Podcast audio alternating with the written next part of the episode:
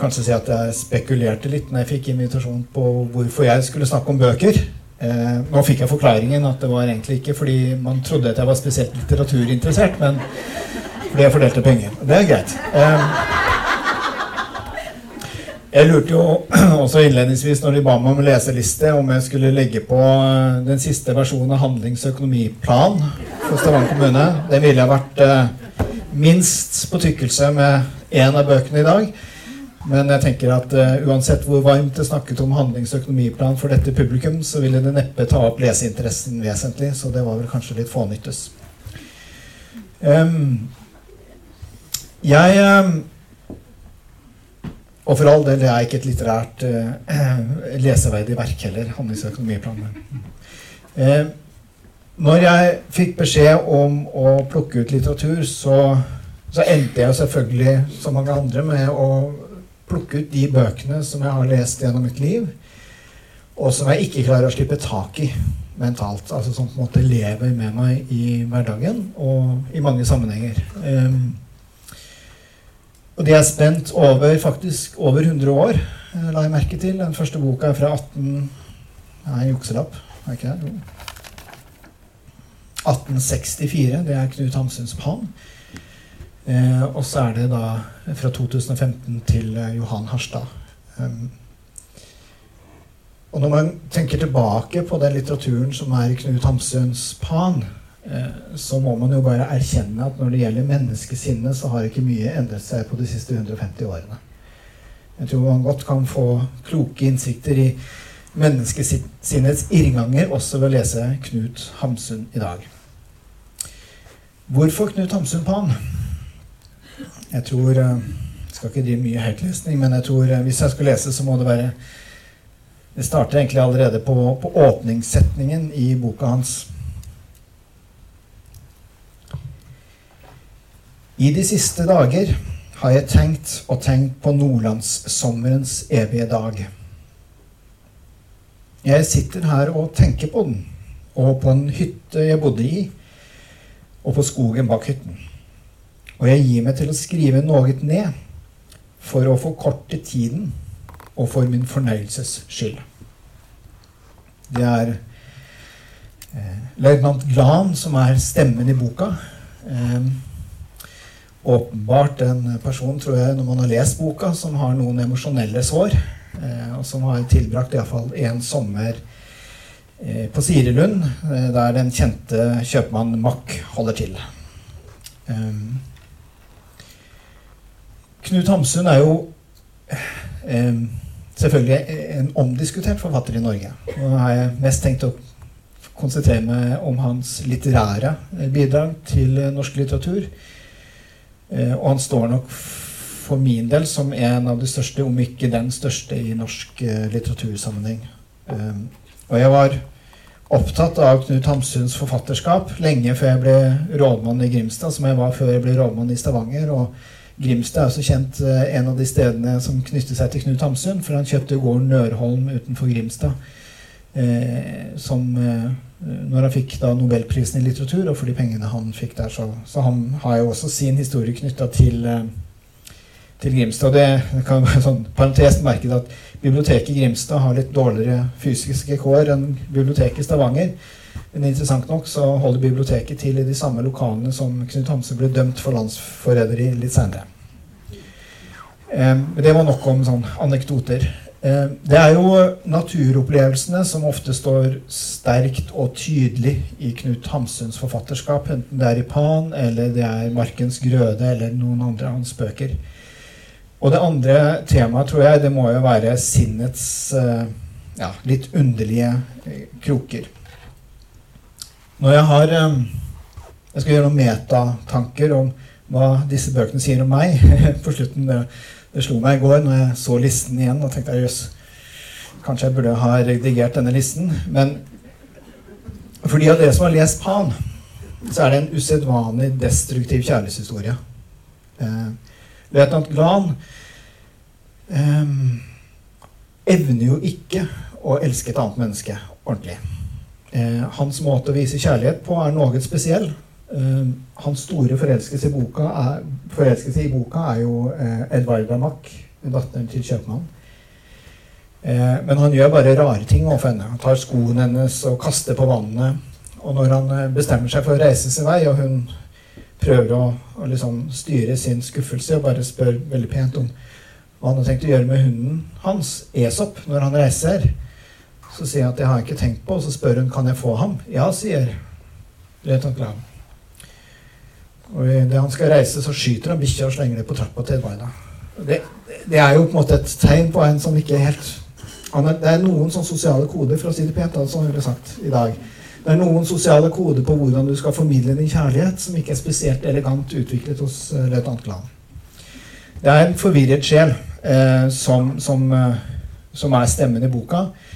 Eh, og, og, boka eh, både innleder og avslutter jo med at han nærmest femprovoserer og blir skutt av, eh, altså, av sin eh, daværende venn. Han provoserer fram eh, det helt på slutten av boka. Han eh, har åpenbart eh, ja, store problemer med å gå videre i livet for sin egen del. Men det er, eh, det er nå liksom den historien, den liksom forkvaklede. Og som jeg sier, egentlig er temaet en overgang til en annen bok jeg skal si litt om. Og det er Agna Mykles 'Sagnet og røde rubin', som jeg opplever som en litt mer godartet versjon av den samme dilemmaet mellom kjærlighet og begjær. Løytnant Gran har ikke noe problem med å inngå forbindelse med kvinner så lenge det ikke er kjærlighet involvert. Altså Hvis det nærmest er et ren erotisk begjær eller besettelse, så er det ganske ukomplisert. Men når det gjelder Edvaida, som han virkelig eh, får et inntrykk av, og som påvirker han, så, så, så er det et stort problem. Jeg syns noen ganger han bruker en veldig interessant litterær teknikk. Når han presenterer i boka Edvaida for første gang, så er det liksom en bisetning i boka. Det er en sånn eh, Han er på tur, det er mye naturskildringer, han er nede ved et naust, og så kommer det Ja, det var forresten da jeg traff henne første gang. Og Så snakker han et par-tre setninger om den Edvaida, og så kommer en setning til. Eh, men jeg har ganske glemt henne. Og så skjer det andre ting, og så plutselig så tar han opp Edvarda en gang til, og så kommer setningen 'Jeg har ganske glemt henne'. Og når den setningen kommer for andre eller tredje gang, så forstår du som leser at eh, Det er kanskje det du ikke har gjort. Du har jo kanskje gjort alt annet enn å glemme henne. Det er hun som sitter igjen. Og denne liksom benektelsesstilen eh, hos fortelleren Løytnant var veldig sånn Eh, fascinerende for meg, denne setningen. 'Jeg har ganske glemt henne.' har liksom eh, frosset seg i mitt minne som, som en måte å, å, fortelle leseren på at her har vi en, en, person å gjøre som prøver å benekte alt han kan, både for seg selv og sin omverden, at han hadde et engasjement, denne Edvarda Mack. Eh, og det gikk jo ikke helt spesielt langt eller spesielt godt eh, i den relasjonen. Men han hadde jo da i, i eh, sin tid på Sirilund eh, et forhold til smedens kone, eh, hvis ikke jeg husker helt feil. Og i en samtale med, med smedens kone, fordi hun var jo veldig betatt av løytnant Glan, så avslører han også litt om sinnets merkelige krumspring når det gjelder kjærligheten. Så jeg tenkte jeg skulle ta ett sitat til fra Pan før jeg går videre. Jeg elsker en kjærlighetsdrøm jeg hadde en gang. Jeg elsker deg, og jeg elsker denne plett jord, sier da løytnant han. Så spør smedens kone, og hva elsker du mest? Drømmen. Den kjærlighetsdrømmen som en gang var. det er noe med menn og kvinner, og det er noe med menn som eh, sliter med å, å, formidle og takle de følelsene de får når de møter en kvinne som virkelig opptar dem.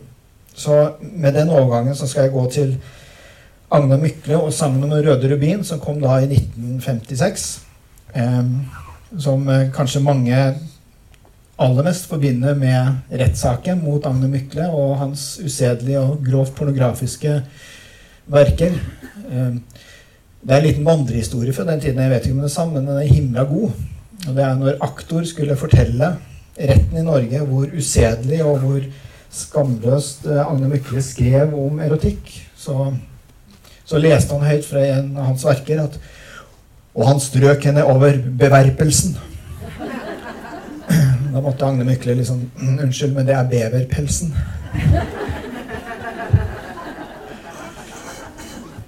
Så noen kan jo lese mer inn i teksten selv forfatteren hadde tenkt.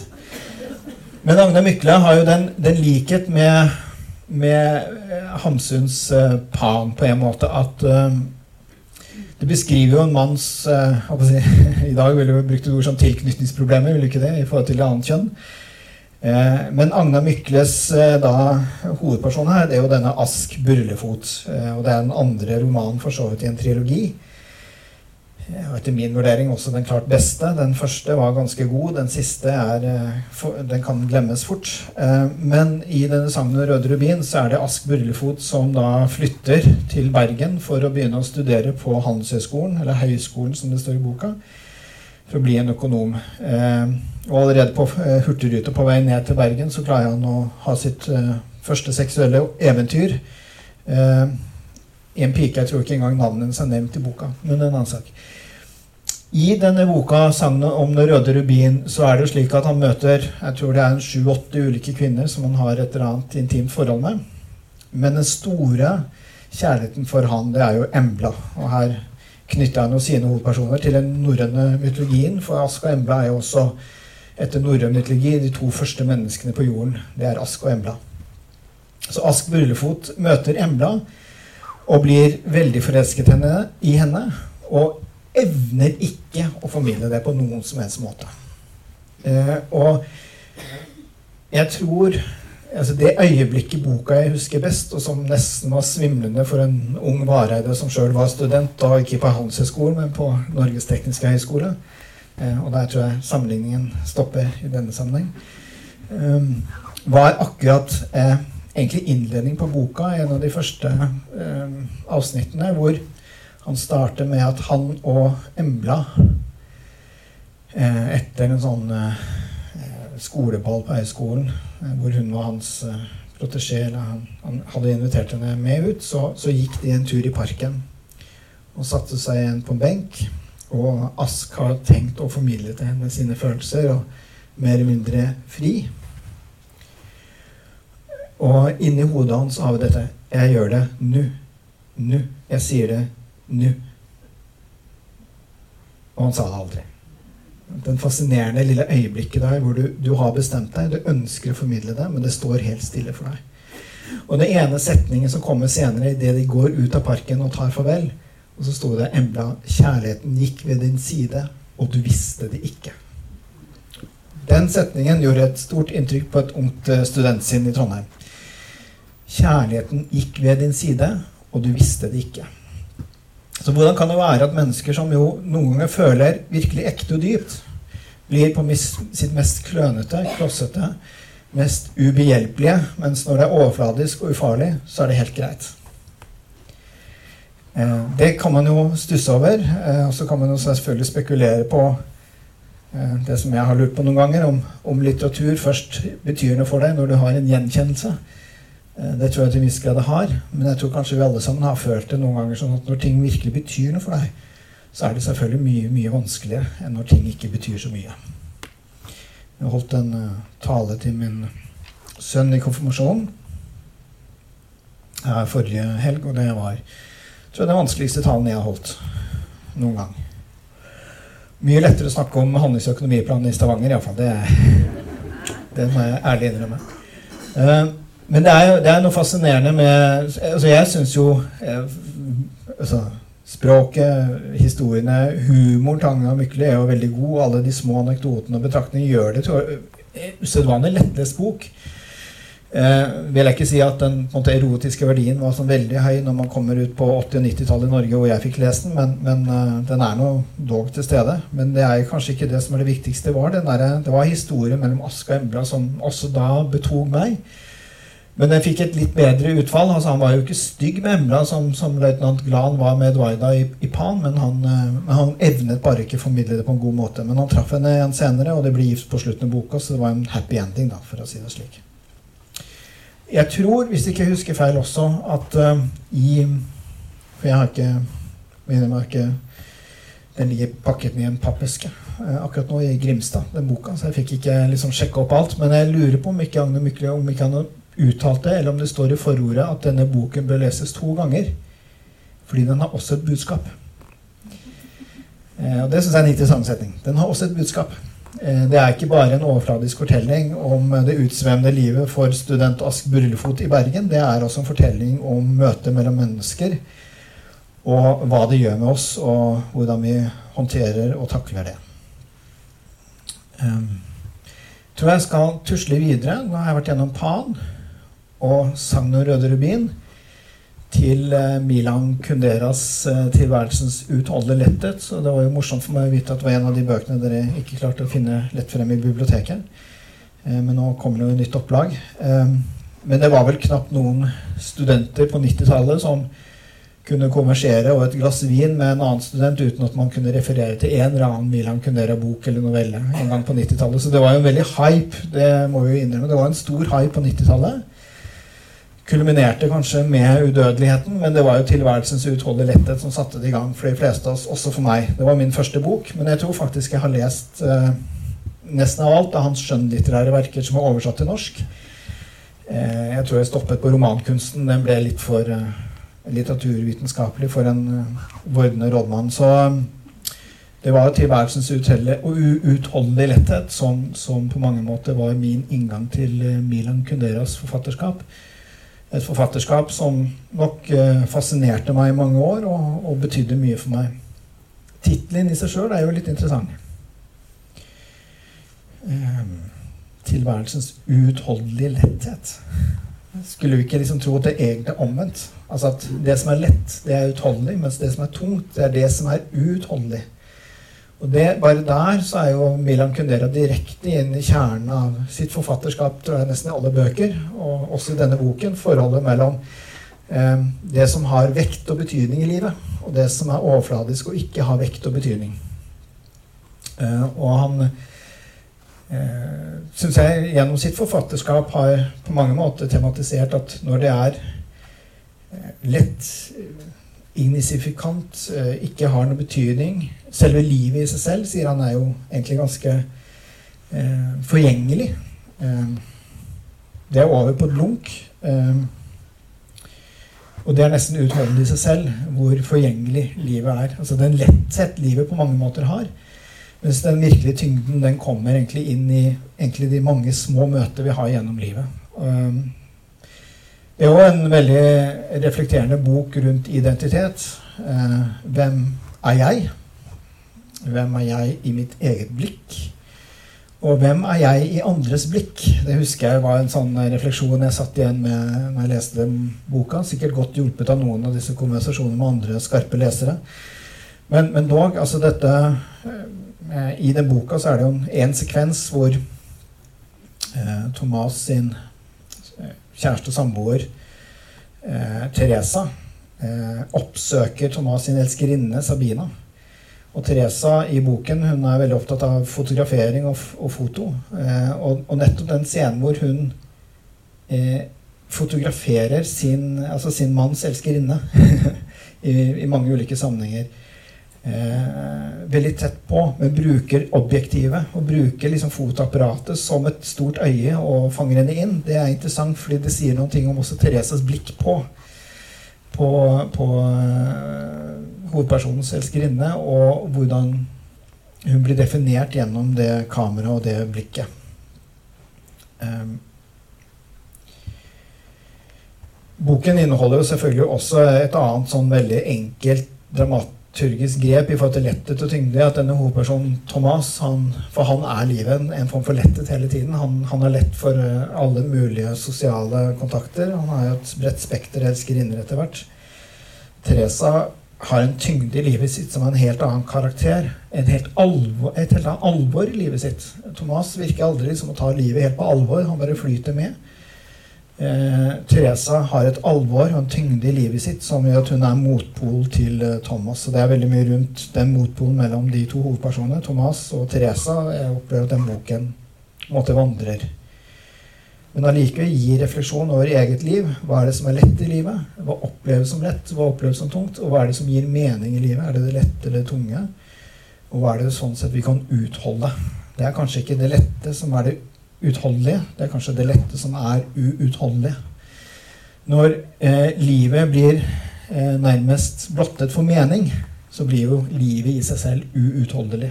Og når du blotter en ting for mening, så er det på sitt mest lette. Altså, lettheten er høyest, høyest når det er meningsløst. Jeg må innrømme at jeg som far ga kanskje min sønn litt dårlig råd på hans konfirmasjon her forrige helg. Jeg sa eh, råd én ikke let etter mening med livet, sa jeg. Eh, for livet har ingen mening. Kanskje ikke det en 14-åring forventer å høre fra sin far. Se heller etter alle de meningsfulle øyeblikkene som finnes i hverdagen din. I møte med andre mennesker. Eh, I ting du engasjerer deg i ting. I, i, I, det som interesserer deg, det som fanger din oppmerksomhet og din glød. Finn alle de små meningene, og utnytt de, i stedet for å lete etter den store meningen med livet. For da leter du forgjeves. Det betyr du må igjen gripe muligheten som ligger i hverdagen, og fylle alle de små øyeblikkene som du har, egentlig, til å få små, meningsfulle øyeblikk til deg, i stedet for å tro at det er noe der ute. Eller så blir ting faktisk uh, uutholdelig lett hvis man ender med at med livet i seg selv ikke har noe mening, så vi kan bare flyte med. Så det var litt om, um, om Kundera. Eh, som jeg syns egentlig er en sånn opptak. Det går en vei fra det mest eh, ja, problematiske og litt ensidige kjærlighetsforhold i, i Pan til et mer eh, ja, allikevel et sånt dilemma mellom det overfladiske og det dyptgripende i Janne Mykles sange 'Røde rubin', også til tyngde og letthet i Milan Kunderas tilværelses utholdelige letthet. Så det er kanskje ikke noe tilfeldig at det er kanskje de tre bøkene som på mange, mange måter uh, var viktig for meg i min uh, ungdomstid og oppveksttid også. Uh, så begynner jeg å nærme meg litt mer sånn voksen alder. Da fikk jeg veldig øynene opp for eh, John Irvings eh, forfatterskap, og han er vel kanskje en av mine store forfattere gjennom alle tider. Kanskje aller mest fordi jeg tror ingen kombinerer for meg humor og tristesse i en sånn elegant form som John Irving har. Altså Det er så mye ironi og satire og humor på ene siden, og så er det dyptfølende ja, triste og tra tragiske hendelser, og han fletter disse hele tiden sammen. Også i boken uh, 'En bønn for Owen Meany', uh, som etter min vurdering er den beste av, av John Irving. Eh, hvor, som handler om et vennskap mellom to. Eh, Johnny, eh, som er hovedpersonen og, og, fortelleren, og Owen Meany som hans beste venn.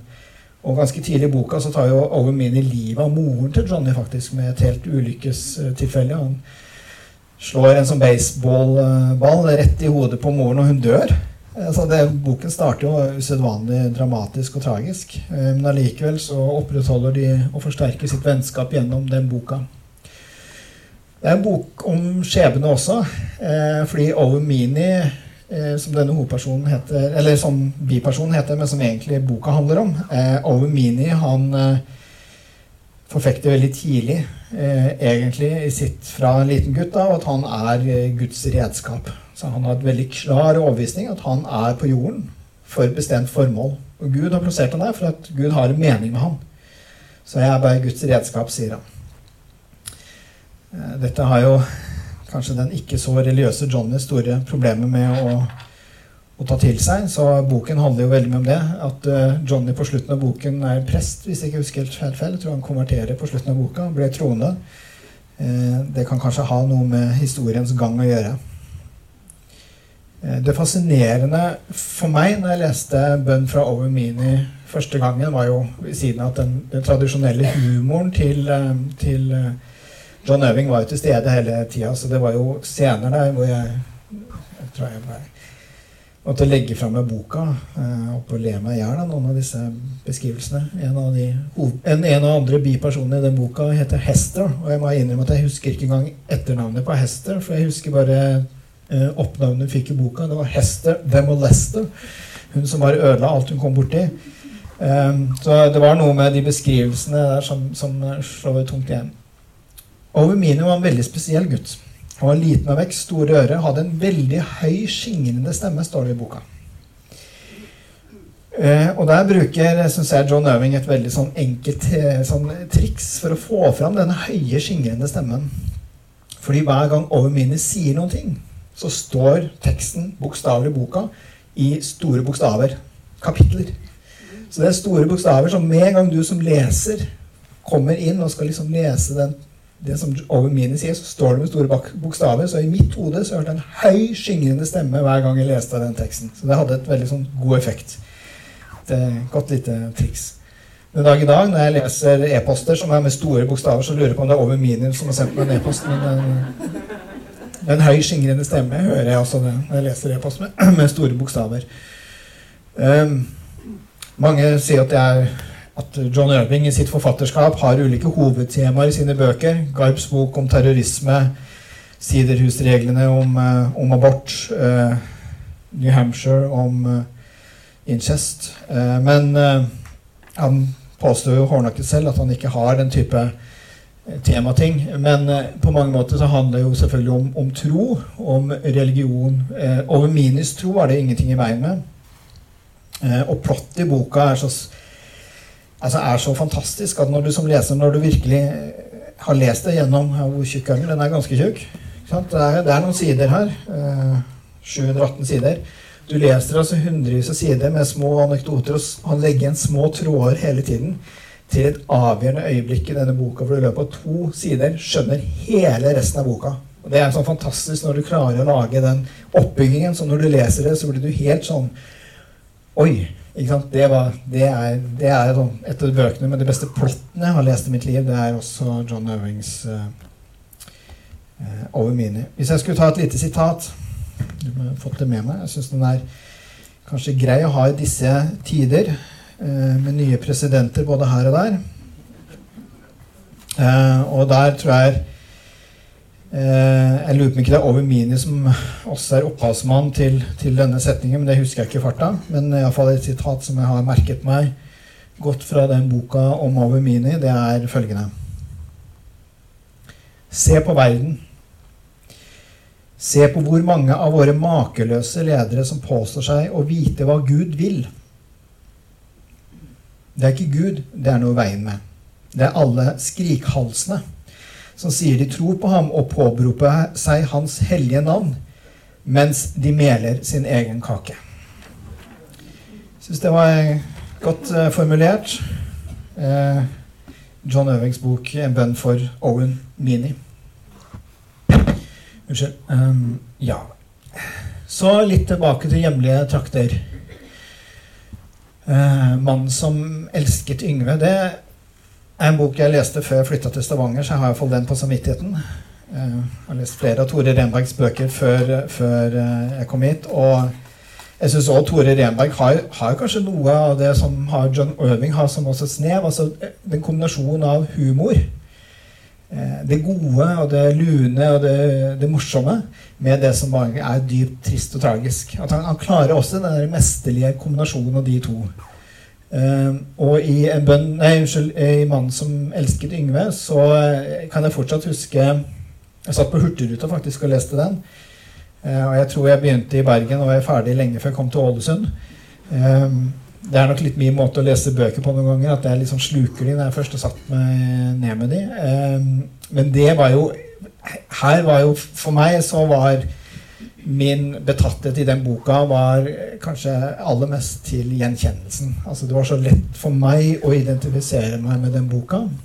Eh, fordi at selv om jeg var litt Jeg er nok litt eldre enn Jarle Klepp. Jeg er nok født litt før Jarle Klepp i, i 'Mannen som elsket Yngve'. Men veldig mye av referansene i boka var mine egne referanser. Så uansett hvilket bandnavn Tore Reme kom trassende med, om det var Jesus and Mary Chain, eller om det var Sisters of Mercy, eller om det var Lou Reed, eller om det var David Sylvian, eller hva det var, så var det min musikk. Og det er fascinerende liksom, å finne bok hvor liksom Ja, det er meg! Det er, det er min, min, mitt musikalske univers som knytter disse handlingene til. Det gjorde jo selvfølgelig veldig lett for meg å identifisere meg. Så jeg syns det er veldig spennende å se hvordan andre på en måte generasjoner vil lese en sånn bok enn den generasjonen som vokste opp med den musikken. Uh, nå er dessverre ikke min, uh, min sønn på 14 år en stor leser. Jeg prøver å oppfordre han til det. Jeg sier gjentatte ganger boka er bedre enn filmen. Det er ikke til diskusjon. Altså, boka er alltid bedre enn filmen. Det gjelder også 'Mannen som elsker Yngve'. Til tross for at det var kanskje en av de beste norske filmene vi har hatt eh, på mange mange år i Norge, eller ti år, så, så, vil jeg si at også filmen 'Mannen som elsket Yngve' var en fantastisk film. Men boka er fortsatt bedre. Men min sønn på 14 år, han elsket filmen. Så jeg tenkte det var, det var iallfall noe eh, i dette. Eh, jeg regner med at det er en bok som er godt kjent for dere her i Stavanger. Eh, som du er nærmest eh, oppvokst til å måtte lese Tore Renberg, vil jeg tro. Eh, men det handler jo da om Igjen tematisk ikke så veldig ulikt de andre. Det er jo kjærlighetens dilemma. også Tore Renberg beskriver i Jarle Klepps oppvekst hans overgang mellom ungdom og voksen. Dette å takle voksenlivet det å ikke helt forstå hvor godt man har det med moren sin før etterpå. Han syntes jo det var treigt og kjedelig med, med, voksne, men først i etterkant så oppdager vel Jarle Klepp hvor godt han egentlig hadde det. Og litt trøblete forhold til sin far, som jo da var alkoholisert. Eh, også veldig godt beskrevet i både film og boken 'Kompani Orheim', som jeg syns var direkte vond. En sånn vond beskrivelse.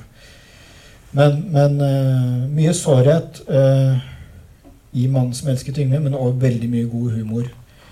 Uh, skal ikke referere navnet på dette bandet til Jarle Kleppe og Helge, men relativt. Min gutt på 14 år syns det navnet var fantastisk. Um, men uh, man, uh, Jarle Klepp han har jo en fantastisk kjæreste, men klarer allikevel å forelske seg da i Yngve. Hvilket kanskje var vanskeligere på 80-tallet og tidlig 90-tall enn det er i dag. Jeg vet ikke. Eh, men det er kanskje litt mer åpent i dag at det går an å forelske seg av mennesker av ulike kjønn. Eh, og jeg syns at eh, en av de tingene som jeg hadde igjen etter å ha lest den boka til, til Tore Renberg, var formuleringen at følelser er ikke alltid like omtenksomme. De melder ikke fra om at de er her eller kommer på vei. Og det er litt den derre eh, som egentlig innser jeg nå en uke etterpå, som kanskje lå i, i, sinnet mitt når jeg ga mitt andre råd til min sønn på 14 år. Og Det rådet var at vi må bare erkjenne at det meste som skjer i livet, det har vi ingen kontroll på. Vi har stort sett ikke kontroll på andre mennesker. Heldigvis, holdt jeg på å si, men vi har ikke kontroll på andre mennesker. Vi har ikke kontroll på ytre hendelser. Eh, Wilhelmsen, vår hypokonderlege fra Bergen, sier du kan ikke engang velge hvilken diabetes du får. Så det meste i livet det har vi egentlig ikke kontroll på. Og det er jo synes jeg, godt tematisert i Tore Renbergs uh, 'Mannen som elsket Yngve'. Uh, Jarle Klepp har ikke kontroll på følelsene sine. De bare kommer, de bare presenterer seg, de bare er til stede. Det eneste vi mer eller mindre kan prøve å ha kontroll på, det hva de følelsene skal gjøre med oss, og hva vi skal gjøre med følelsene våre. Men følelsene våre, de bare kommer, de. Og de er faktisk eh, Vi, vi styrer ikke hvilke følelser vi skal ha. Og det syns jeg er en, god, eh, det er en god eh, påminnelse, og det er noe jeg faktisk blir påminnet til og med i min jobb som rådmann. Det er at følelser til folk, det, det må man ta på alvor. For de er der, og de er reelle for den det gjelder. Og de har ikke nødvendigvis folk kontroll på, og så er det å sortere hva vi kan gjøre med de følelsene. Eh, men en fascinerende eh, bok.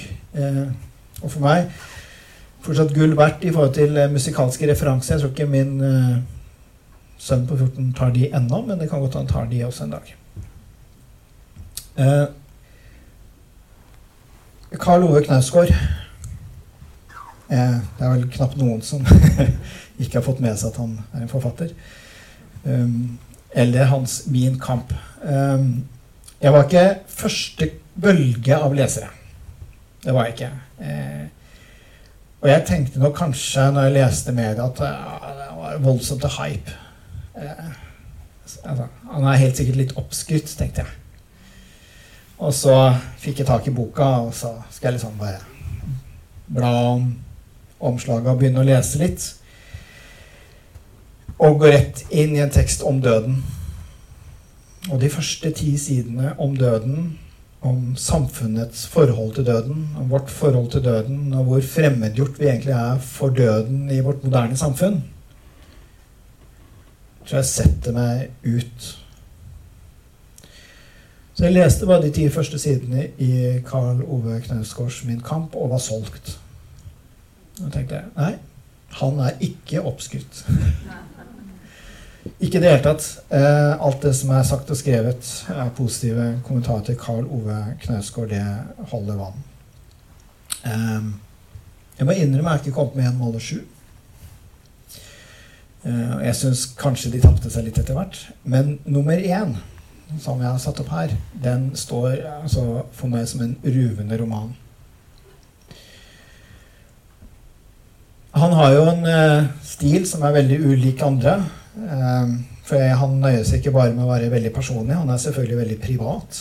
Eh, det er jo helt deskriptivt biografisk, noe av det han beskriver. Nådeløst, tett på, men det står allikevel synes jeg, en underlig form for sånn respekt for alle han skriver om. allikevel. Han tar mennesker litt på alvor, han tar dem fordi de er, og, og beskriver det. Han har jo en skrivestil som er litt spesiell, fordi han, eh, han er jo også en mester av essay som skriveform. Og han blander jo essay inn i sånn ja, biografiske betraktninger og i rene beskrivelser av ting. Enten det var en mislykket nyttårsfest eller hva det måtte være han beskriver. Så er det liksom passasjer der som er essayistiske, og som skriver om et eller annet tema. Og så har han noen betraktninger eller beskrivelser av hva som skjedde han i livet. Og det er kombinasjonen av de som jeg tror gjør for meg, da, min, meg personlig, at uh, min kamp blir så spesiell. Og det mest fascinerende er jo når man leser noen av disse essayene og man egentlig syns det er litt treigt. Man begynner nesten på grensa å kjede seg litt. Iallfall gjorde jeg det som leser. Begynte nesten å kjede meg litt i noen av disse passasjene i den lange boka, som var veldig essay-knytta. Og så kommer det likevel rett etterpå en kort beskrivelse fra hendelser i livet hans som plutselig ramler inn, og som bare eh, blir en sånn åpenbaring for en, hvor en får en innsikt i livet som jeg syns er helt uh, formidabel.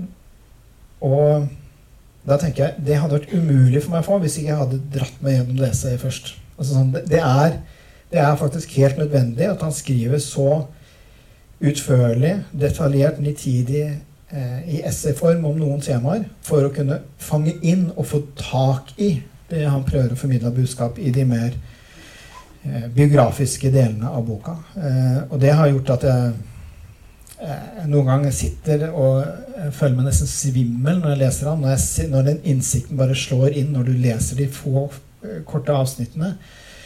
Enten det er knytta til døden, hans opplevelse av å finne faren i en fullstendig eh, oppløst tilstand. Han, han, dør jo tidlig i boka. Eh, hvor han kommer dit og ser eh, en mann som har hatt et forfall. Og han sier jo selv at hele bok én handler om at han, han ville at hans far skulle se ham. Og det å se den andre eh, handler mye om, om hans forfatterskap. Om eh, igjen dypt eksistensialistisk. Eh, og eh, kanskje den boka i den bokserien som tar opp tråden litt fra Milan Kunderas tilværelsens utholdelighet om identitet. Hvem vi er, hvordan vi selv ser oss, og hvordan andre ser oss.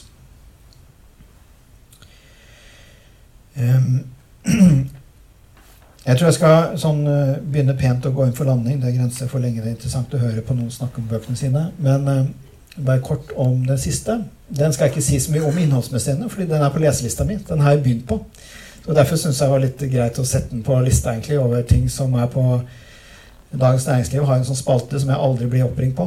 Hva er på nattbordet ditt? Um, men så jeg har alltid liksom prøvd å være så mentalt forberedt hvis Dagens Næringsliv skulle spørre meg en gang. Hvis de skulle ringe hva har du på nattbordet ditt, så kan jeg ikke si handlings- og økonomiplan i Stavanger kommune. Eh, men da har jeg en bok, og det er Max Misha og Teta-offensiven som jeg har begynt å lese på, og som fascinerer meg sterkt. Altså igjen eh, Igjen det derre eh, Både gjenkjennelsen man har eh, når man leser disse bøkene, eh, men nå liksom de der innsiktene man får i, i, menneskets liv, som man kan få noen ganger gjennom forfattere som har klart å fange det i språket sitt, som jeg syns er fascinerende. Det er en tjukk bok, så jeg har litt igjen, tror jeg. Tror jeg cirka så mye igjen. Eh, men eh, eh, jeg er ikke skremt av det. Gleder meg. tenker jeg det, det kommer en tid hvor jeg får lest den. Nå er det snart sommerferie også for rådmenn. Og da tenker jeg at jeg skal få lov til å fordype meg i den boka, og det er noen ting jeg ser frem til. Så um, tror jeg bare jeg avrunder der. Sier takk for oppmerksomheten og takk for invitasjonen. Eh, hyggelig å snakke om noe annet enn tall, tabeller, eh, dårlig økonomi og behov for å iverksette tiltak. Så takk for oppmerksomheten.